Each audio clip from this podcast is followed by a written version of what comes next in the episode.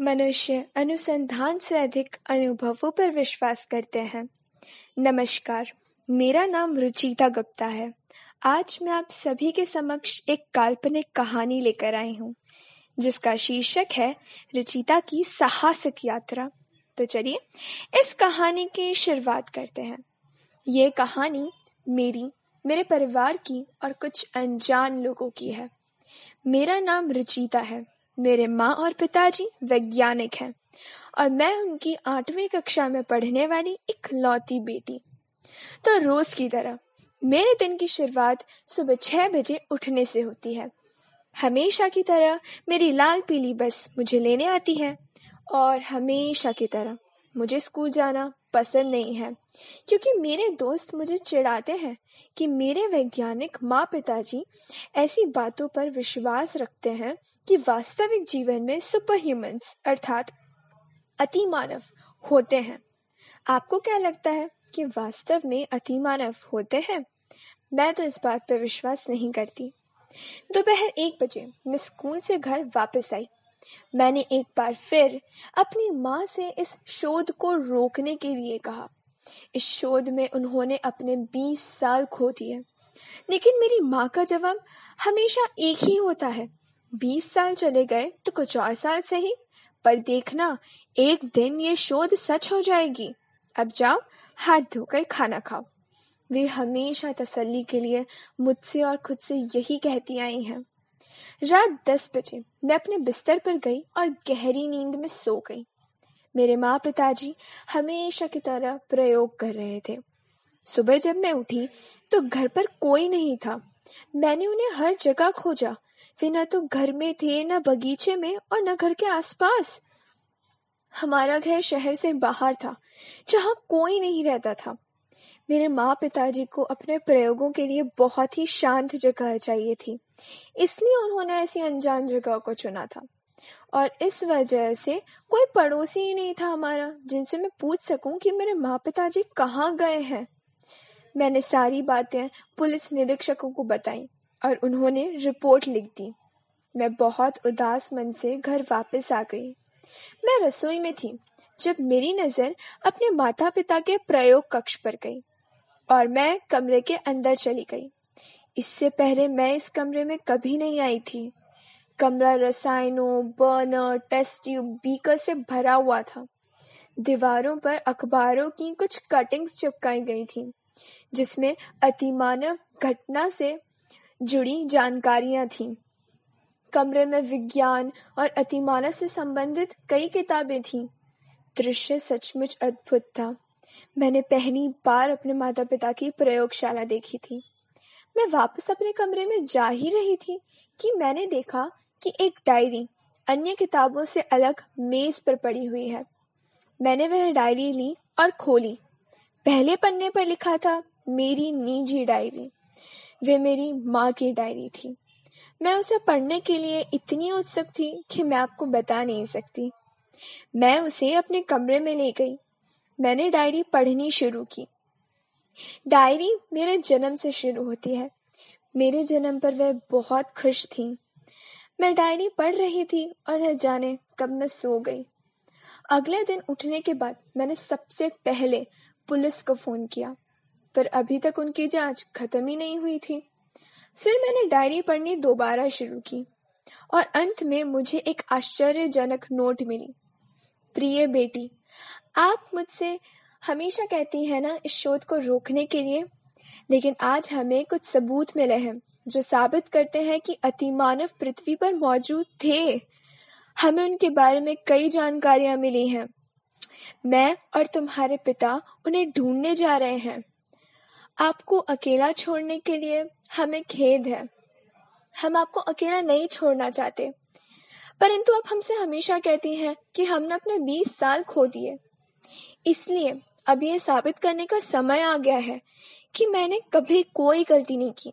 आपके माता और पिता ने कभी कोई गलती नहीं की थी। देखना, ये आज तक की सबसे बड़ी शोध होगी, आपकी माँ। क्या?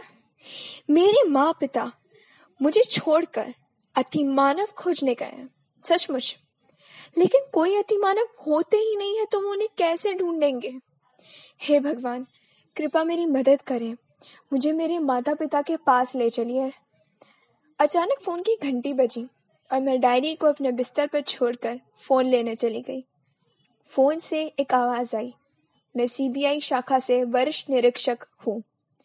हमें खेद है कि आपके माता पिता गायब हैं, लेकिन पुलिस ने अब यह मामला हमें सौंप दिया है, क्योंकि आपके माता पिता एक वैज्ञानिक थे और पुलिस आपके माता पिता को ढूंढ नहीं पा रही है। लेकिन आपको चिंता करने की कोई आवश्यकता नहीं है। हम उन्हें ढूँढने की पूरी कोशिश कर रहे हैं। धन्यवाद। मैंने फ़ोन वापस टेबल पर रख दिया। मुझे बड़ी परेशानी महसूस हो रही है। एक सप्ताह से अधिक समय हो गया था। मेरे माता पिता गायब हैं और पुलिस कुछ नहीं कर पा रही। मैंने फैसला किया। मैं खुद उन्हें ढूंढूँगी। मैंने एक बैग लिया और उसमें चीज़ें पैक करना शुरू कर दिया। मैंने कुछ खाने पीने का सामान फ़ोन इमरजेंसी के लिए रख लिया। अपने कमरे में थी जब मेरी नज़र डायरी पर पड़ी और मैंने उसे भी अपने साथ ले लिया। मुझे नहीं पता कि कहाँ से उन्हें ढूंढना शुरू किया जाए। फिर मुझे याद आया कि एक बार मेरे पिता ने मुझसे कहा था कि शहर में कोई है जिसके लिए वे ज़्यादातर समय काम करते हैं। उनके मालिक श्री साइमन। मैं तुरंत श्री साइमन के पास गई, जो एक वैज्ञानिक हैं और साथ ही साथ सेंट जेवियर स्कूल के प्रोफेसर हैं। मैं स्कूल गई और अपॉइंटमेंट ली और उनसे मिली और पिछले दो हफ्तों में हम, मेरे साथ जो कुछ भी हुआ उन्हें बताया। उन्होंने बताया कि मेरे माता पिता बहुत बुद्धिमान वैज्ञानिक थे और वे मेरी मदद अवश्य करेंगे। वे मुझे अपने घर ले गए। उनके साथ उनकी पत्नी और उनकी बेटी रहती है। मैंने अपना बैग सोफे पर छोड़ दिया और श्री साइमन की बेटी मुझे अपने कमरे में ले गई, जहाँ मैं रहने वाली थी। रात को जब सब गहरी नींद में सो गए, तब श्री साइमन मेरे माता पिता को खोजने का तरीका सोच रहे थे। और उस समय उनकी नज़र मेरे बैग पर गई और वहाँ उन्होंने मेरी माँ की डायरी देखी। उन्होंने उसे लिया और उस पृष्ठ को खोल दिया, जहाँ पुस्तक का निशान था। वह पेज जहाँ तक मैंने पढ़ा था। उसके बाद का पेज तो खाली था। इसलिए फिर उन्होंने उस किताब को सोफे पर ही रख दिया और अपने कमरे में चले गए। सुबह हम नाश्ते के लिए कमरे से नीचे उतरे। नाश्ते में सैंडविच और लेमन टी थी। वे बहुत स्वास्थ्य के प्रति जागरूक थे, इसलिए वे नाश्ते में सलाद भी रखते थे। सलाद में खीरा, चुकंदर पत्ता गोभी और नींबू भी शामिल था। मिस्टर साइमन और उनकी पत्नी डाइनिंग टेबल पर बैठे थे और मैं और उनकी बेटी सोफे पर बैठे थे। वही सोफा जहाँ कल रात मिस्टर साइमन ने माँ की डायरी छोड़ी थी। श्रीमती साइमन मेरे और उनकी बेटी के पास आई और हमें सलाद दिया। उनकी बेटी का नाम रियाना है। रियाना ने अपने पिता श्री साइमन से नींबू मांगा। वह ले आए और रियाना के सलाद पर निचोड़ा, कि अचानक गलती से नींबू का रस डायरी पर गया और मेरे माँ द्वारा खाली छोड़े हुए पन्ने में से शब्द निकलने लगे। मिस्टर साइमन समझ गए कि मेरे माँ पिता बहुत चालाक हैं। उन्होंने इस तरह के केमिकल का इस्तेमाल किया है कि हम इस तरह जो कुछ भी लिखा हुआ है उसे देख नहीं सकते। इसे पढ़ने के लिए हमें उस पर नींबू की बूंदें निचोड़नी होंगी। वे डायरी और मुझे लैब में ले गए और उन्होंने नींबू की कुछ बूंदें पेज पर डाली। फिर कुछ ही मिनटों में हम पूरा पेज पढ़ने में सक्षम हो गए। उन्होंने पेज पढ़ना शुरू किया। हमें अतिमानव के बारे में कुछ गुप्त जानकारी मिली है और हम इसे खोजने जा रहे हैं। ये जानकारी बहुत गोपनीय है। हमें पता चला है कि कुछ हफ़्ते पहले पृथ्वी पर अतिमानव का कोई संकेत था और वह संकेत अब पृथ्वी से चला गया है। लेकिन अब वह एक नए ग्रह पर स्थित हुआ है, जिसका नाम है दीबा। और अब हम अतिमानव को ढूँढने उस ग्रह पर जा रहे हैं। पता नहीं हम लौट पाएँगे या नहीं।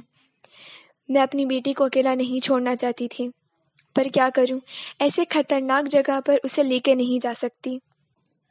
वहाँ पहुँचने की एक कुंजी है, जो अमेरिका के मध्य से शुरू होती है। यहाँ पर एक नक्शा दिया गया है। साइमन ने नक्शे में देखा और उसे पढ़ना शुरू किया। मैंने और श्री साइमन ने कल सुबह ही दीवा ग्रह की खोज पर निकलने का फैसला किया। मैं पूरी रात सो ही नहीं पाई। पूरी रात में अपने माता पिता और नक्शे के बारे में सोचती रही। अगली सुबह हमने अपनी यात्रा शुरू की। सात से आठ घंटे में हम अमेरिका के केंद्र में पहुँच जाते हैं। हमने एक बेंच पर नक्शा खोला। श्री साइमन ने कहा, नक्शा दिखाता है कि हमें यहाँ से एक चर्च में जाना है। लेकिन कहा श्री साइमन? अमेरिका के बीच में तो कई चर्च होंगे। श्री साइमन ने उत्तर दिया कि हमें एक चर्च ढूंढना है, जिसमें नक्शे में दिखाया गया इस प्रकार का चिन्ह हो। हमने चर्च ढूंढना शुरू किया। पाँच घंटे में हमने लगभग तीन चर्चों की तलाशी ली, लेकिन किसी भी चर्च में चिन्ह नहीं था। अंत में हमने एक कैफ़े में आराम किया। वहाँ से मैंने देखा कि स्ट्रीट लाइट पर उसी चिन्ह वाला एक झंडा लटका हुआ था। मैं उसकी ओर दौड़ी। मैंने एक तीर को एक चर्च का रास्ता दिखाते हुए देखा। मैं मिस्टर साइमन को जल्दी से बुलाने लगी।